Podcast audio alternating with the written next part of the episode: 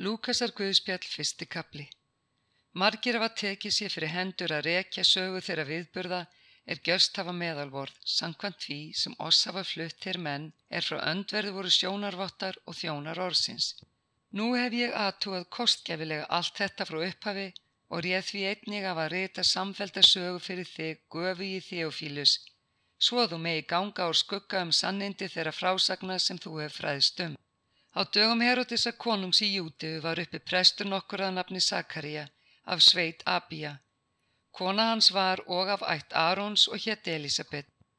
Þau voru bæði réttlátt fyrir Guði og livðu vamlaus eftir öllum bóðum og ákvaðum drottins. En þau átti ekki barn, því að Elisabeth var óbyrja og bæði voru þau nýjan að aldri.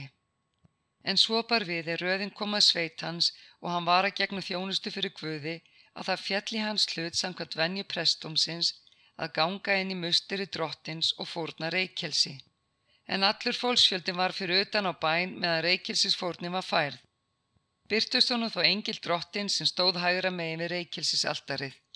Sakarja var hvert við þessa sín og óttast sló á hann, en engilin sagði við hann, Óttast þú eigi, Sakarja, því bæn þín er heyrð, Elisabeth kona þín mun fæða þér són og þú skalt láta hann heita Jóhannes.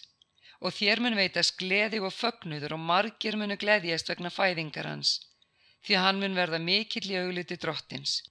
Aldrei mun hann drekka vín í áfengan drikk en fyllast heilugum anda þegar frá móðulífi og mörgum af Ísraels sónum mun hann snúa til drottins guðs þeirra. Og hann mun ganga fyrir honum í anda og kraft í Elíja til að snúa hjörtum feðra til barna og ólínum til hugafærs réttlátra og búa drottni alltíðan líð. Sakarija sagði við engilinn, af hverju get ég vita þetta, ég er gamall og kona mín nýjina aldri.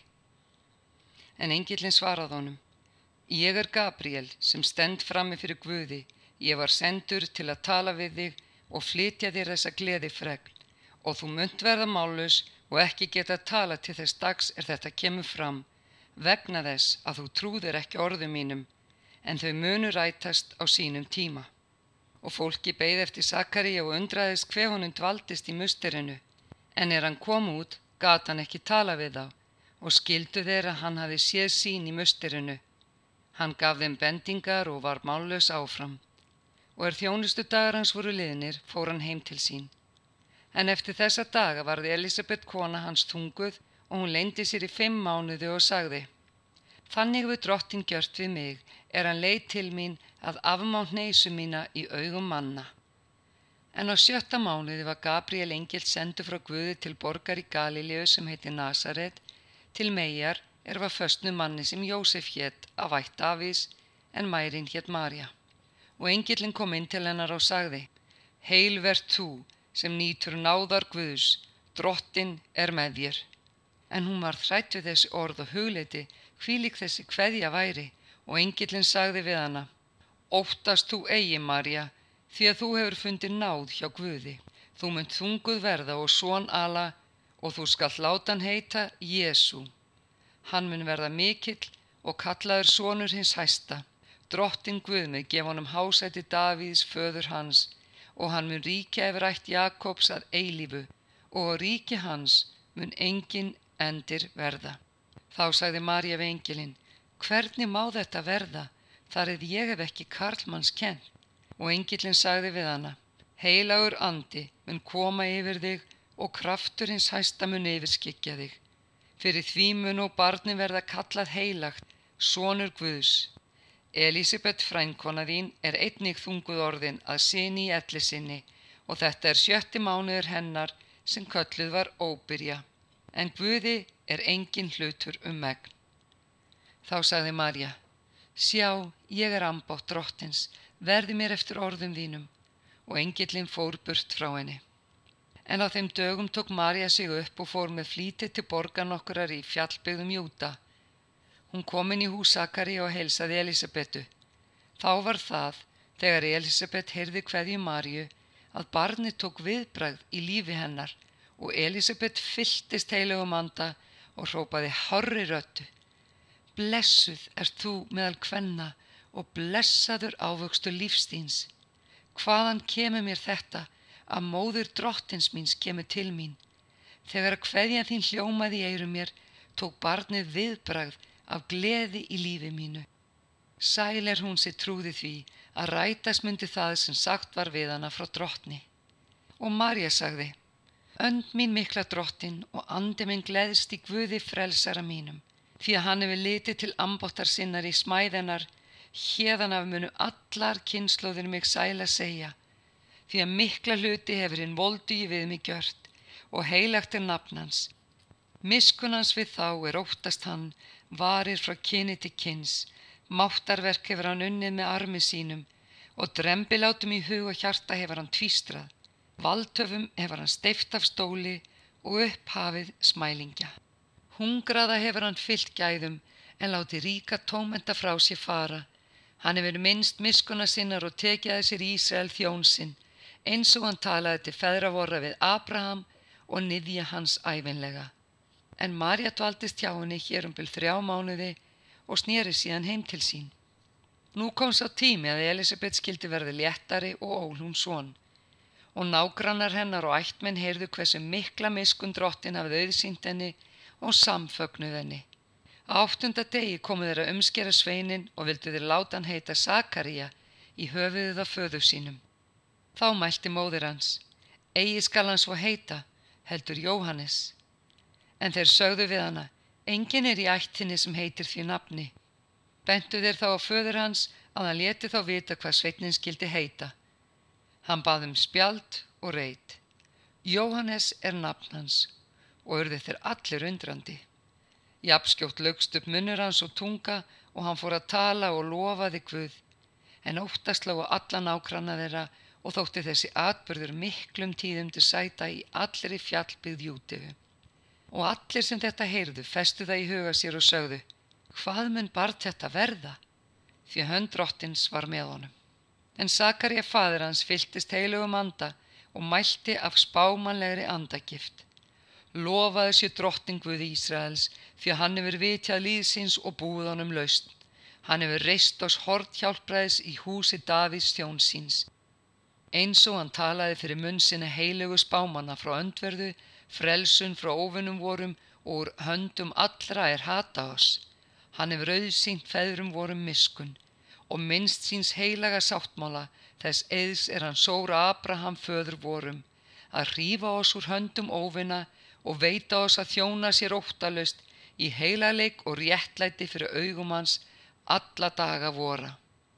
Og þú sveit mynd nefndur verða spámaður hins hæsta því að þú munt ganga fyrir drottni að greiða vegu hans og veita líðans þekkingu á hjálpræðinu sem er fyrirgefning synda þeirra. Þessu veldur hjartans miskun Guðsvoss. Hún lætur upp renna sól af hæðum að vitja vor og lýsa þeim sem sitja í myrkri og skugga döðans og beina fótum vorum á friðar veg. En Sveitnin ógs og var þrótt mikill í anda. Hann dvaldist í óbyðum til þess dags er hann skildi koma fram fyrir Ísrael. Lúkas 2 En það bar til um þessa mundir að bóð kom frá Ágústus keisara að skrásetja skildi alla heimsbyggðina. Þetta var fyrsta skrásetningin og var gjörð þá er Kýrinius var landstjóri á Sýrlandi. Fóru þó allir til að láta skrásetja sig hver til sinnar borgar. Þá fóru Jósef úr Galilegu frá borginni Nazaret upp til Júteu til borgar Davís sem heiti Betlehem en hann var af ætt og kynni Davís að láta skrásetja sig á samt Marju heitkonu sinni sem var þunguð. En meðan þau voru þar kom sá tími er hún skildi verða léttari. Fættu hún þá són sinn frumgetinn, vafðan reifum og lagðan í jötu af því að eigi var rúm handaði mig gistihúsi. En í sömu byggð voru hyrðar út í haga og gættum nóttana hjarðar sinnar og engil drottin stóð hjá þeim og dýrdrottins ljómaði kringum þá. Þeir eruðu mjög hrættir, en engilinn sagði við þá. Verið óhrættir, því sjá ég bóða yður mikinn fögnuð sem veitas mun öllum líðnum. Yður er í dag frelsari fættur sem er Kristur drottin í borg Davís og hafið þetta til margs, þér munu finna ungbarn, reifað og lagt í jötu. Og í sömu svipan var með englinum fjöldi himneskra hersveita sem lofuðu Guð og sögðu Dýrð sé Guð í upphæðum og friður og jörðu með mönnum sem hann hefur velþóknun á. Þegar englarnir voru farnir frá þeim til heimins sögðu hyrðarnir sín á milli. Förum beinti betliðum að sjá það sem gjörst hefur og drottin hefur kungjört oss. Og þeir fóru með skyndi og fundu Marju og Jósef og ungbarni sem lág í jötu. Þegar þeir sáu það skýrði þeir frá því er þeim hafi verið sagt um barð þetta og allir sem heyrðu undruðst að þeir hyrðarnir sögðu þeim. En Marja geymdi allt þetta í hjarta sér og hugleiti það. Og hyrðarnir snýru aftur og veksumuðu Guð og lofuðu hann fyrir það sem þeir hafðu heyrt og séð, en allt var það eins og þeim hafði verið sagt. Þegar áttadaga voru liðni skildi umskeran og var hann látin heita Jésús, eins og engilin nefndi hann áður en hann var getin í móðulífi. En er hreinsunadagar þeirra voru úti eftir lögmáli Mósi, fóruðu með hann upp til Jérúsalem til að færa hann drottni, en svo er yttað í lögmáli drottins. Allt kartkinn er fyrst fæðist á móðulífi skal helga drottni. Og til að færa fórnins og segir í lögmáli drottins, tvær turtildúfur eða tvær ungar dúfur.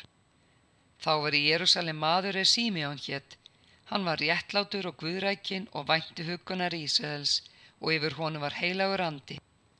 Honum hafði heilagur andi vitrað að hann skildi ekki dauðan sjá fyrir hann hafði séð Krist drottins. Hann komað til að hann andans í helgidómin og er foreldrarnir færðu þanga sveinin Jésu til að fara með hann eftir venju lögmálsins, tók sími á hann í fangið, lofaði Guð og sagði, Nú lætu þú drottin þjón þinn í friði fara eins og þú hefur heitið mér, því að augum mín hafa séð hjálpræði sem þú hefur fyrirbúið í augsinn allra líða, ljós til ofinberunar heiðingjum og til veksemdar líðinum Ísrael. Fadir hans og móður undruðist að þið sagt var um hann, en Simeon blessaði þau og sagði við Mari móður hans. Þessi sveitnir settu til fals og til viðreistnar mörgum í Ísrael og til tákns, sem móti verður mælt, og sjálf mynd þú verða nýst í sáluðinni. Þannig munu hugsanir margra hjartna verða augljósar. Og þar var annars bákona Fanuelsdóttir af ætt Assers kona háöldruð. Hafði hún lifað sjö ár með manni sínu frá því hún var mær og síðan verið ekki fram á 84 ára aldur. Hún vek eigi úr helgidóminum en þjónaði Guði nótt og dag með föstum og bænahaldi. Hún kom að á sömu stundu og lofaði Guð og hún talaði um barni við alla sem væntu lausnar í Jérúsalem. Og er þau hefðu lokið öllu eftir lögmáli drottins, snýruðu aftur Galilegu til borgar sinna Nazaret, en sveitnin óks og styrtist Fylltur visku og náð Guðs var yfir honum. Fóreldrarnas ferðust ár hvert til Jérúsalem á páskaháttíðinni og þegar hann var tólvara gamal fóruðu uppþangað eins og síður var á háttíðinni. Þau voru þar út háttíðist dagana en þegar þau snýru heimleiðis varð sveitnin Jésús eftir í Jérúsalem og vissu fóreldrar hans það eigi. Þau hugðu að hann væri með samferða fólkinu og fóru eina dagleið og leituð hans meðal frænda og kunningja en þau fundu hann ekki og snýru þó aftur til Jérúsalem og leituð hans. Eftir þrjá daga funduðu hann í helgidóminum. Þar sat hann mitt á meða læri feðrana, hlíti á þá og, og spurði þá. En alla sem heyrðu til hans furðaði stórum á skilningi hans og ansvörum. Og er þau sá hann þar, bráð þeim mjög og móður hann sagði við hann, Barn, hví gjöru þú okkur þetta? Við faðið þinn höfum leitað þín harmþrungin. Og hann sagði við þau, Hvers vegna voruð að leitað mér? Vissu þið ekki að mér ber að vera í húsi föðu míns? En þau skildu ekki það er hann talaði við þau. Og hann fór heim með þeim og kom til Nasaret og var þeim hlýðin. En móður hans geimdi allt þetta í hjarta sér og Jésús þroskaðist af visku og vexti og náð hjá Guði og mönnum. Þriði kapli Á 15. stjórnarári Tíberíusar keisara Þegar Pontius Pilatus var landstjóri í Jútiðu en Herodes fjórðungstjóri í Galilegu, Filipus bróður hans í Ítúregu og Trakonítséraði og Lísanías í Abilene. Í aðstapressi Ananessar og Kajafasar kom orð Guðs til Jóhannesa Sakaríssonar í óbyggðinni og hann fór um alla jórdanbyggð og pretikaði eðrunaskið til fyrirgefningar synda eins og ritaður í bók Jésajas Bámans. Rött hrópanda í eðumörk, greiðið veg drottins, görið beinar brautir hans, öll gil skulu fyllast, öll fell og hálsar lægjast, krókar skulu verða beinir og óvegir sléttar götur og allir menn munu sjá hjálpræði Guðs. Við mannfjöldan sem fór út til að skýrast af honum sagðan, þér nöðru kyn, hver kendiður að flýja komandi reyði? Berið þá ávöxti sambóðuna yðruninni og farið ekki að segja með sjálfum yður, við eigum Abraham að föður. Ég segi yður að Guð getur vaki Abraham börn af steinum þessum. Öksin er þegar lögð af rótum trjána og hverta tré sem ber ekki góðan ávöxt verður upphögvið og í eld kastað. Mannfjöldin spurðan, hvað eigum við þá að gjöra? En hann svaraði þeim, sá sem á tvo kirtla gefið þeim er engan á og einskjöri sáur matfung hefur. Þá komu og tollimtu menn til að skýrast. Þeir sögðu við hann, meistari, hvað eigum við að gera? En hann sagði við þá, heimtið ekki meira en fyrir yður er lagt. Hermenn spurðan einnig, en hvað eigum við að gera? Hann sagði við þá, hafið ekki fjafneinum, korki með ofríki, nýja svikum, látið þurr næja mála eðar. Nú var eftirvænting vakin hjá líðnum og allir voru að hugsa með sjálfum sér hvort Jóhannes kynna vera Kristur. En Jóhannes svaraði öllum og sagði, ég skýri þér með vatni, en sá kemur mér er máttugri og er ég ekki verður að leysa skóðfeng hans. Hann mun skýra yfir með heilugum anda og eldi. Hann er með varpskópluna í hendi sér til þess að gjör hreins að láfa sinn og sapna hveitun í hlöðu sína, en hismið mun hann brenna í óslökkvanda eldi. Með mörgu öðru ámyndi hann og flutti líðnum fagnaðar bóðinn. Hann vítti Herodes fjörðungstjóra vegna Herodíesar konu bróður hans og fyrir allt til ítla sem hann hafi gjört og þá bætti Herodes einni því ofan á allt annað að hann varpaði Jóhannesi í fangelsi. Er allir líðurinn létt skýrast var Jésús einnig skýrður, þá bar svo við er hann gjörði bæn sína að heiminin opnaðist og heilagur andi steg yfir hann í líkamlegri mynd eins og dúfa og rött kom af himni. Þú ert minn elskaði sonur á þér hef ég velþóknun. En Jésús var um þrítugt er hann hóf starfsitt, var hann eftir því sem haldið var, sonur Jósefs, sonar Eli, sonar Mattats, sonar Levi, sonar Melki, sonar Jannaja, sonar Jósefs, sonar Mattias, sonar Amos, sonar Náums, sonar Esli, sonar Nagai, sonar Mats, sonar Mattiatas, sonar Semæn, sonar Jóseks, sonar Jóta, sonar Jóhannans, sonar Hresa, sonar Serubabels, sonar Sealtiels, sonar Neri, sonar Melki, sonar Addi, sonar Kósams, sonar Elmadams, sonar Ers, sonar Jésu, sonar Eliesers, sonar Jórim, sonar Mattats, sonar Levi, sonar Simeons, sonar Júta, sonar Jósefs, sonar Jónams, sonar Eljakims, sonar Melea, sonar Menna, sonar Matata, sonar Natans, sonar Davíðs, sonar Ísæi, sonar Óbeðs, sonar Bóasar, sonar Salomons, sonar Naxons, sonar Aminabdabs, sonar Admins, sonar Arni, sonar Esroms, sonar Peres, sonar Júta, sonar Jakobs, sonar Ísaks, sonar Abrams, sonar Tara, sonar Nakors, sonar Serugs, sonar Reu, sonar Pelegs, sonar Ebers, sonar Sela, sonar Kenans, sonar Arpakats, sonar Sems, sonar Nóa, sonar Lamex, sonar Metusala, sonar Enoks, sonar Jarets, sonar Mahalalels, sonar Kenans, sonar Enos, sonar Sets, sonar Adams, sonar Guðs.